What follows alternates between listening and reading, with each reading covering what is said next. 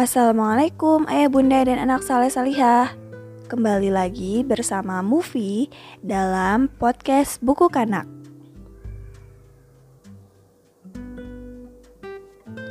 Ayah bunda dan anak saleh salihah, apa kabar? Setelah merayakan Idul Fitri minggu lalu, kita akan kembali lagi nih bersama podcast Buku Kanak. Nah, karena edisi spesial Renungan Ramadannya udah selesai, kali ini kita akan bahas apa ya? Hmm, apalagi kalau bukan ulasan buku yang soon to be release sebentar lagi banget, yaitu buku berjudul Putri Muslimah 7 Mutiara Hikmah untuk membangun karakter anak hebat. Dalam rangka menyambut terbitnya buku berisi kisah-kisah fantasi putri-putri anggun yang cocok banget dibacain buat anak cantik ayah bunda ini, pada podcast Buku Kanak episode kali ini, Movie akan membacakan salah satu cerita yang ada dalam buku ini yang pastinya bisa membuat anak-anak cantik dan ayah bunda penasaran sama isi buku ini secara keseluruhan. Langsung aja ya, simak sampai habis.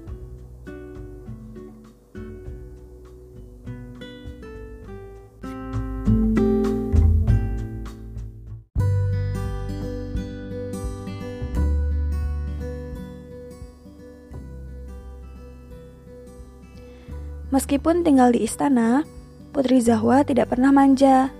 Dia senang membantu pegawai, pelayan istana, dan yang lainnya. Salah satu yang paling dia sukai adalah membantu penjahit istana merancang seragam kerajaan, pakaian raja, serta pakaian ibunda ratu. Dia juga suka merancang pakaian-pakaiannya sendiri. Hasil rancangan Putri Zahwa selalu disukai oleh ayah dan ibunya. Bahkan, baju yang dipakainya sering dikagumi teman-teman. Ayah, bolehkah aku membuka toko baju di pusat perbelanjaan? Katanya suatu hari kepada Raja Azwar ayahnya. Raja tampak senang. Tentu saja boleh putriku, asal kamu mampu melayani para pembeli dengan baik. Insya Allah aku sanggup ayah. Putri Zahwa bahagia dan memeluk ayahandanya. Atas persetujuan raja, Putri Zahwa dibantu oleh Elina, pegawai istana yang pandai menjahit, dan Pak Ali. Mereka membuka butik di pusat perbelanjaan dengan nama Butik Zahwa. Butik Zahwa menerima pesanan pakaian anak hingga dewasa. Mereka juga menyediakan pilihan bahan baju dan beberapa contoh model baju. Saya pesan seragam keluarga untuk acara pernikahan ya, kata Ibu Sarah, salah satu pelanggan dengan wajah bahagia. Putri Zahwa segera membuatkan desainnya. Setelah desain selesai, semua keluarga Ibu Sarah diukur satu persatu. Kemudian, Putri Zahwa memberikan perintah kepada Elina untuk membuatkan baju seragam sesuai dengan gambar yang dibuat sang putri dan dengan ukuran yang tersedia. Makin hari, makin banyak pesanan yang datang. Putri Zahwa pun tak tega melihat Elina yang keteteran. Dia merekrut dua penjahit dan satu pegawai khusus untuk menempelkan hiasan. Dengan bertambahnya pegawai baru, pesanan pun makin cepat selesai. Putri Zahwa selalu berkata, kepuasan pembeli adalah nomor satu. Masya Allah, ini baju yang indah Putri Zahwa. Kami sangat menyukai seragam keluarga ini. Kata ibu pemesan sambil menatap takjub hasil rancangan Putri Zahwa. Sang putri pun tersenyum puas dengan hasil kerjanya. Tidak jarang Putri Zahwa memberikan potongan harga atau souvenir untuk pelanggannya, terutama yang memesan dalam jumlah banyak. Pak Ali yang mengelola keuangan sampai heran. Apa kita tidak akan rugi, Putri?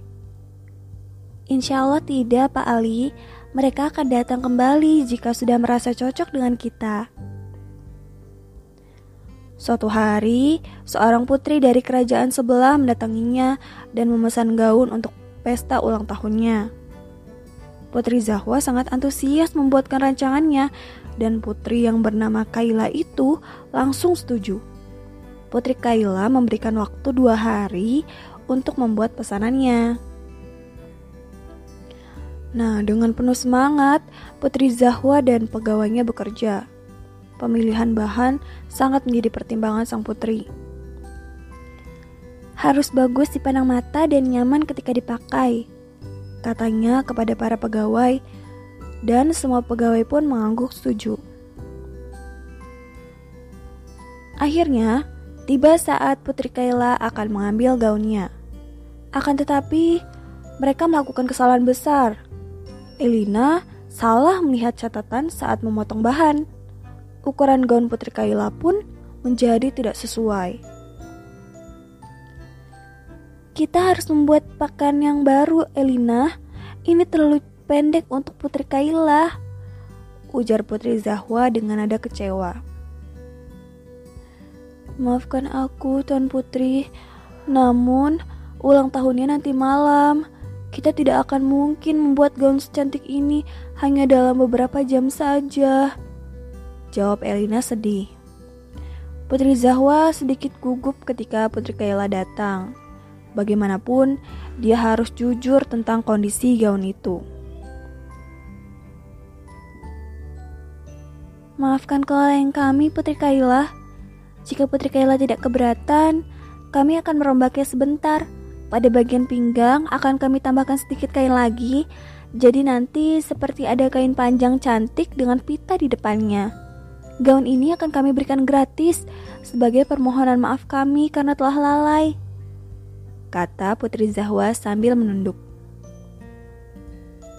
Wah, sepertinya itu ide yang bagus. Jawab Putri Kaila dengan mata berbinar. Putri Zahwa dan Elina segera merombak gaun indah itu. Ketika sudah selesai, Terima kasih Putri Zahwa, ini bagus sekali. Kau memang perancang busana yang sangat berbakat. Putri Kaila tersenyum puas. Alhamdulillah, Putri Zahwa mengembuskan napas lega.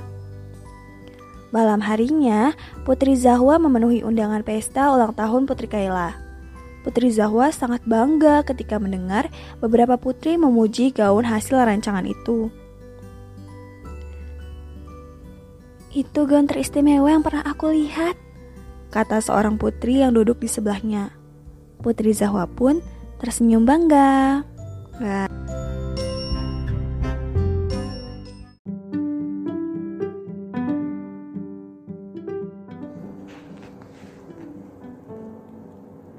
Jujur adalah salah satu karakter yang dimiliki Rasulullah Shallallahu Alaihi Wasallam. Anak yang jujur tentu akan sangat disukai oleh teman-temannya. Oleh karena itu, selalu jujurlah dalam berkata dan berperilaku. Sesungguhnya Allah Maha Mengetahui apa pun yang kamu kerjakan. Nah, di sini ada dalil tentang anjuran bertakwa. Wahai orang-orang yang beriman, Bertakwalah kepada Allah dan bersamalah kamu dengan orang-orang yang benar. Quran Surat At-Taubah ayat 119 Nah, gimana ayah bunda dan anak salih salihah, terutama anak cantik yang sedang mendengarkan podcast kali ini, sudah mendengarkan cerita yang tadi Movie sampaikan? Hmm, mungkin kalian akan terinspirasi dan jadi termotivasi ya untuk menjadi semandiri Putri Zahwa yang bisa merancang gaun-gaun, pakaian-pakaian yang super bagus dan diterima oleh orang-orang di sekitarnya. Nah, buku ini nggak cuma berisi tentang kisah-kisah uh, satu dua putri aja ya, tapi ada banyak dan mengandung lebih banyak lagi hikmah. Jadi, bagi ayah bunda yang mungkin mau membelikan buku ini untuk buah hatinya, kalian bisa banget cek akun Instagram @penerbitkanak. Di sana, ayah bunda bisa tanya-tanya seputar buku ini atau buku lainnya dan diskusi segala hal mengenai parenting sama Mingka yang super ramah. Oke, kalau begitu, langsung aja ya ke Instagram @penerbitkanak.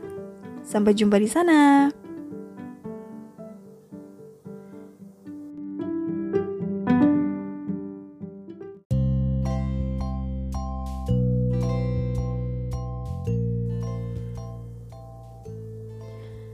Eh, tidak terasa nih.